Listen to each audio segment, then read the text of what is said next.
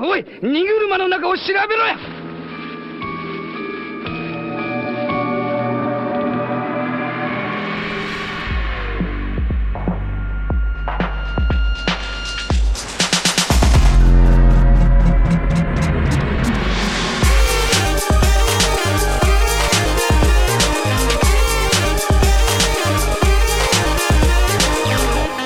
Ahoj, jsem Standa Biller a dnes spolu umřeme se stávkou ve školství.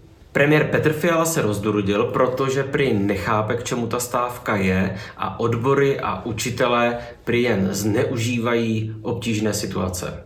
Zkusíme si to tedy vysvětlit tak, aby to pochopil i premiér a s ním celá vláda, i když vím, že tento úkol je náročný a já v něm zcela jistě selžu. Pokud je podle Petra Fialy stávka nezodpovědná, tak já se chci podívat na to, jak vypadá a vypadala zodpovědná politika, která nás k tomuto stavu přivedla. Vše začalo nejspíš zhruba ve chvíli, kdy si vláda před zhruba dvěmi lety napsala do programového prohlášení, že je pro ní vzdělání priorita. Také se zavázala k tomu, že budou platy ve školství u pedagogických pracovníků na úrovni 130% průměrné mzdy ve státě. To později několikrát korigovala, nejprve tak, že se to bude týkat jen učitelů a poté jsme dospěli k tomu, že ta průměrná mzda se bude počítat z dva roky starých statistik, aby to nestálo zas tak moc peněz.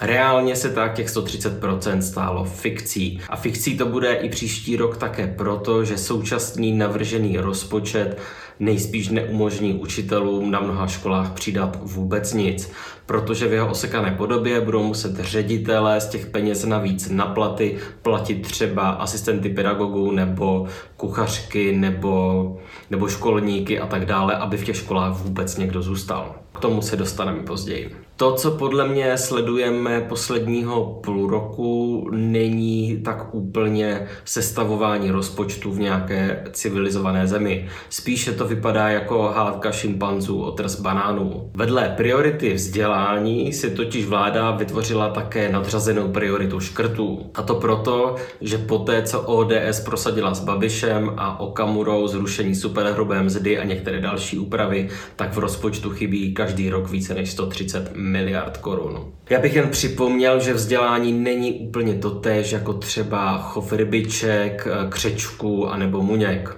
Je to celkem zodpovědná dlouhodobá záležitost a je u ní klíčová například předvídatelnost. Předvídatelnost znamená, že víte, co bude třeba letos, příští rok a vůbec tak nějak výhledově, klidně na dekádu dopředu. Ostatně děti navstupují do školy v první třídě a pokračují až do deváté. Předtím mají několik let v mateřské škole v ideálním případě, následuje několik let na střední škole, několik let na vysoké škole. Zatímco my tady řešíme půl roku rozpočet na jeden rok.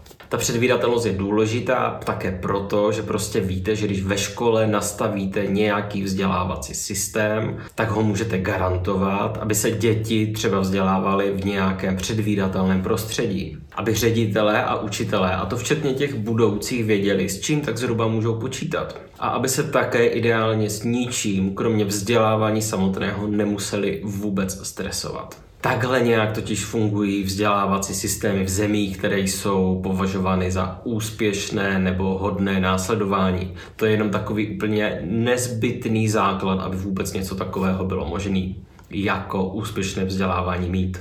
Takže jak tedy vypadá předvídatelnost a stabilita v zemi, ve které vláda považuje vzdělání za svou prioritu?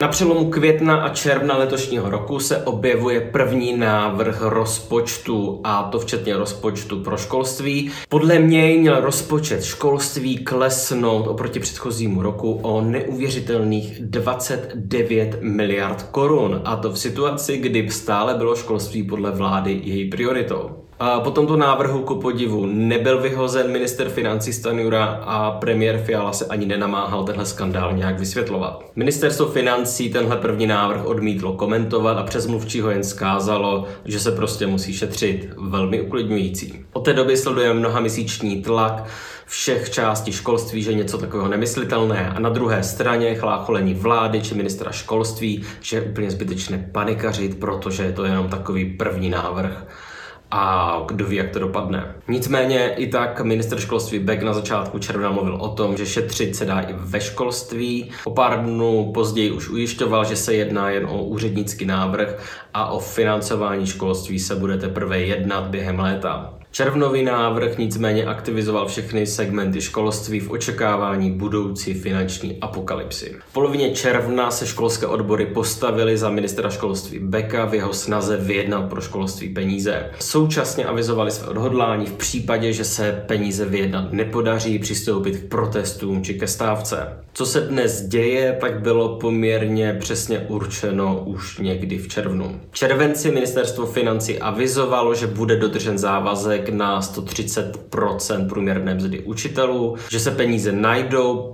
rozpočet je předběžný a je tak zbytečné se jim zabývat. Čemu je tedy návrh rozpočtu, kterým je zbytečné se zabývat, nebylo jasné tehdy a není to jasné ani dnes. Současně se tím ani vzdáleně nevyřešily otázky, jak to třeba bude s financováním vysokých škol, vědy, akademie věd. Vysoké školy na to oznámily, že plánují kvůli rozpočtu v září protestovat, ale to je jiná část tohoto příběhu. V srpnu se pomalu začal dostávat na veřejnost, jak to tedy bude s těmi 130 procenty průměrné mzdy učitelů. Minister školství zmínil, že v roce 2024 se budou mzdy počítat z průměru roku 2022. Současně avizoval na konci srpna, že rozpočet školství minimálně neklesne a učitelům slíbil vyšší mzdy.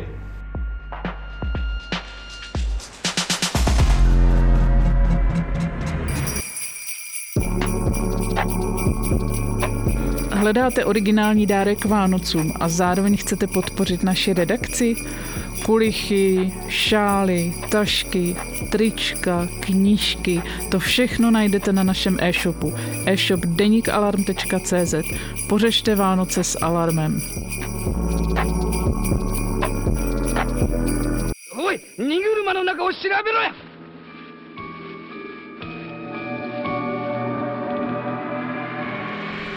Po čtvrt roce od zveřejnění prvního návrhu rozpočtu tak na Prahu nového školního roku nevěděli ředitelé a učitelé s jistotou prakticky nic o tom, co bude v roce 2024, tedy za pár měsíců.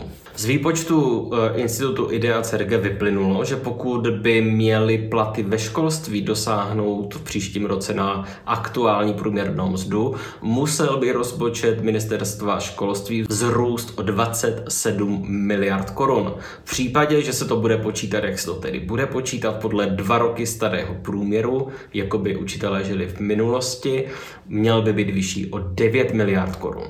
Pokud tedy Beck řekl, že uh, rozpočet bude stejný a platy přesto porostou, pak bylo jasné, že se musí někde miliardy seškrtat ale nikdo nevěděl kde. V září rozpočtový chaos pokračoval. Z začátku školního roku přichází ministerstvo financí s novým návrhem, podle kterého bude rozpočet ministerstva školství seškrtán o 11,5 miliardy korun. Rozuření jsou v tuto chvíli ve školství všichni. O týden později Beck vítězoslavně oznamuje, že bude rozpočet přece jen alespoň stejný tedy nominálně. Reálně to stále znamená chybějící miliardy na zvyšování platu učitelů a o započítání brutální inflace ani nemluvě. A stále to všechno znamená pokles reálných výdajů na školství vůči HDP. Na veřejnost se také dostává plán, jak tedy ušetřit. Návrh hovoří o zrušení desítek tisíc míst ve školství, aby se ušetřilo. Škrtát se má na pozicích nepedagogických pracovníků. Chaos akceleruje a v říjnu pokračuje. Vláda i ministerstvo školství pokračuje ve strategii nejprve vyděsit šíleným návrhem, aby ten následující pološílený vypadal v podstatě přijatelně. A tak v říjnu se už nemají škrtat desítky tisíc míst, ale jen něco přes 8 tisíc a to především takzvaných neobsazených pozic. Jenomže to jsou současně peníze, ze kterých ředitelé doplácí třeba místa asistentů a asistentek pedagogů nebo kuchařek, aby na tato místa vůbec někoho sehnali a ty lidi alespoň trochu mohli zaplatit. Beck také mluví o tom, že se bude snižovat PH Max index, podle kterého se zjednodušeně počítá, kolik se proplatí od učených hodin. Jeho snížení znamená na mnoha školách nutnost seškrtat třeba dělené hodiny nebo tandemovou výuku. Tedy něco, co je v zásadě pro žáky prospěšné a vzdělání užitečné. A že to tak bude, vysvětlují dnes jednotliví ředitelé škol, kterých se to bude dotýkat. Takto prý vypadá odpovědná politika.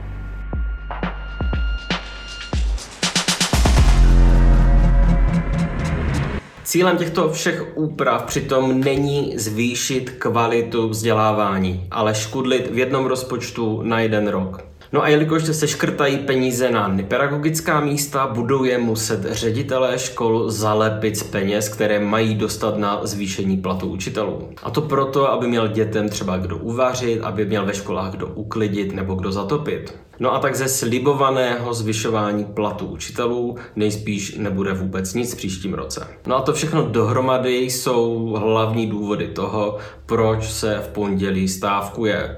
Nejde tedy jenom o tyto jednotlivé parametry, ale o ten mnoha měsíční chaos, který k ním vedl. Součástí tohoto vládního chaosu je třeba seškrtání pozic, respektive financí na asistenty a asistentky pedagogů. Školy, které jich potřebují nejvíce, reálně neví, co vlastně s nimi příští rok bude. České školství má asi tak miliardu problémů k řešení. Jediný problém, kterým opravdu netrpí, je nadbytek peněz. Přesto debata uplynulého půl roku vypadala tak, že se mluvilo prakticky jen o penězích a o ničem jiném. Některé navržené změny pak přitom mají vyloženě nahodili charakter s potenciálem zničit i to málo dobrého, co se ve školství podařilo změnit nebo zlepšit. Pokud Petr Fiala říká, že nechápe důvody stávky, tak asi nechápe, co dělá jeho minister financí a minister školství a vůbec, co se v této zemi obecně děje. Neschopnost myslet v dlouhodobém horizontu současné vlády vyjádřila třeba poslankyně ODS a členka školského výboru sněmovny Renáta Zajíčková, když v rozhlase v debatě řekla, jako kantorka jsem se vždy u žáků snažila vytvářet postoje, které souvisí s finanční gramotností. A jedno z pravidel, které jako první zaznívá, je, že není dobré žít na dluh. Věřím, že k tomu takto přistupují i učitelé, ředitelé, kteří mladou generaci vychovávají. Musíme si všichni uvědomit, že je potřeba se šlápnout na brzdu.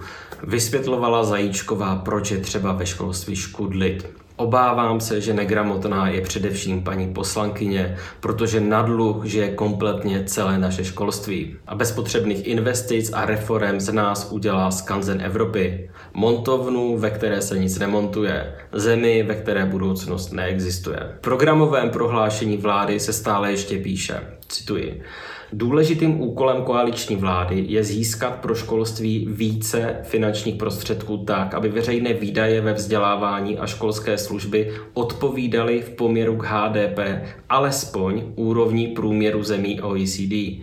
To zajistí zvyšování kvality vzdělávání od mateřských, základních, základních, uměleckých, středních, vyšších odborných a vysokých škol a konzervatoří až po instituce poskytující celoživotním vzděláváním. Hoj,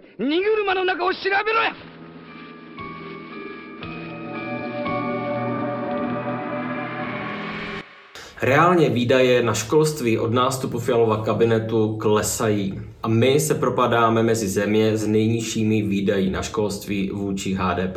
Průměru zemí OECD jsme se přiblížili pouze v roce 2021 za vlády Andreje Babiše. Takhle si tedy vede Fialova vláda u své programové priority.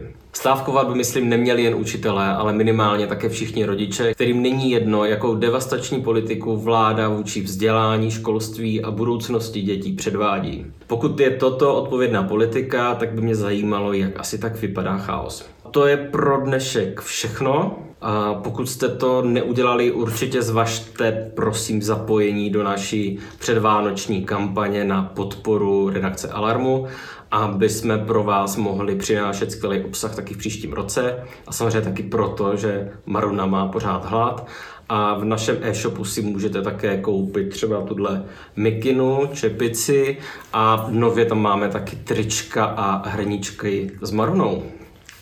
Tak to zvažte, Vánoce jsou za rohem. Zdar příště.